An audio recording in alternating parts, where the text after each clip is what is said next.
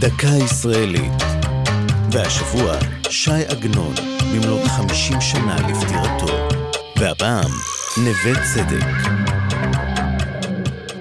אם תטיילו בשכונת נווה צדק בתל אביב, ייתכן שתחלפו על פני השלט המציין את מקום מגוריו של עגנון ברחוב רוקח פינת שלוש. אולם מדובר בטעות. זו נולדה כשחוקר תולדות תל אביב שלמה שווה זיהה את הבית האמיתי על פי תיאורי עגנון בספרו תמול שלשום. אז הוחלט לשלוח פקיד לתלות שלט על הבית, אבל זה ככל הנראה טעה. עגנון התגורר ברחוב אמזלג מספר 20.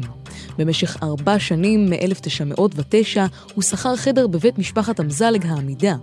בספר הוא כותב על חדרו של בן דמותו חמדת. יש לו חמישה חלונות.